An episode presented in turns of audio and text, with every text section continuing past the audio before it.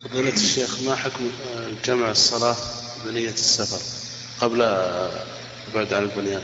الجمع بين الصلاتين للمسافر سنة إذا كان يسير في البر وجائزة إذا كان نازلا في البر. أما قبل أن يسافر من بلده فإنه لا يحل له أن يجمع لأن سبب الجمع هو السفر ولم يبدأ به الآن. فلا يجوز أن يجمع إلا إذا إذا خرج من البلد. كما أنه لا يجوز أن يقصر. لو قال أنا عازم على السفر بصلي ركعتين وامشي. قلنا لا يجوز.